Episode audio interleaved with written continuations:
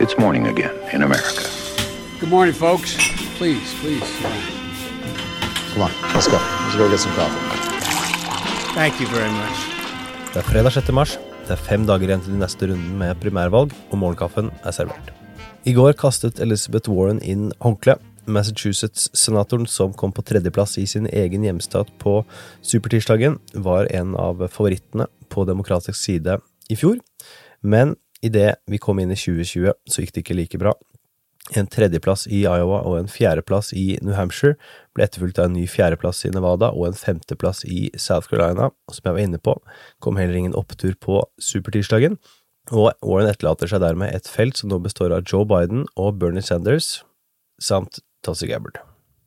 Vi kan høre litt fra det Warren hadde å si i går. I have no regrets at all. You know, this has been the honor of a lifetime.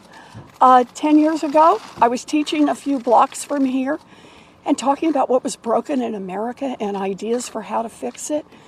And pretty much nobody wanted to hear it. And I've had a chance to get out there and talk with millions of people. And you know, we have ideas now that we talk about that we just weren't talking about even a year ago. A two cent wealth tax and universal child care that could be real. We could make it happen.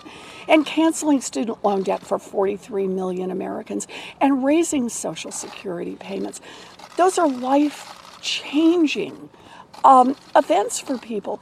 And we can actually do this. So I'm delighted to have been here and honored to have had this chance.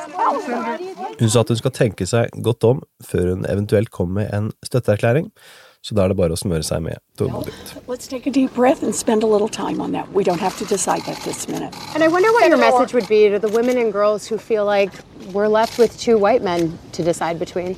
I know. One of the hardest parts of this is all those pinky promises and all those little girls who are going to have to wait four more years. Um, that's going to be hard. For Joe Bidens del så kommer det stadig flere gode nyheter, og i går så fikk han da støtte fra Michigan-guvernør Gretchen Whitmer, og Michigan er jo da en av de seks statene som står for tur i den neste runden med primærvalg førstkommende tirsdag.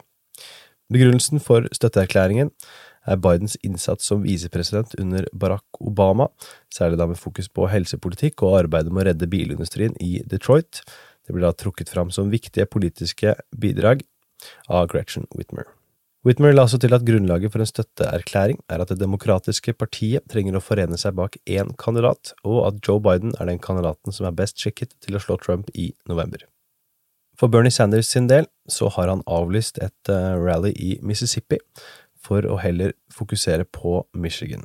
Avgjørelsen er en god indikasjon på at Sanders-kampanjen i stadig større grad erkjenner Bidens styrke i sør, og tid og ressurser best kan brukes i Midtvesten, ikke minst for å da snu momentumet.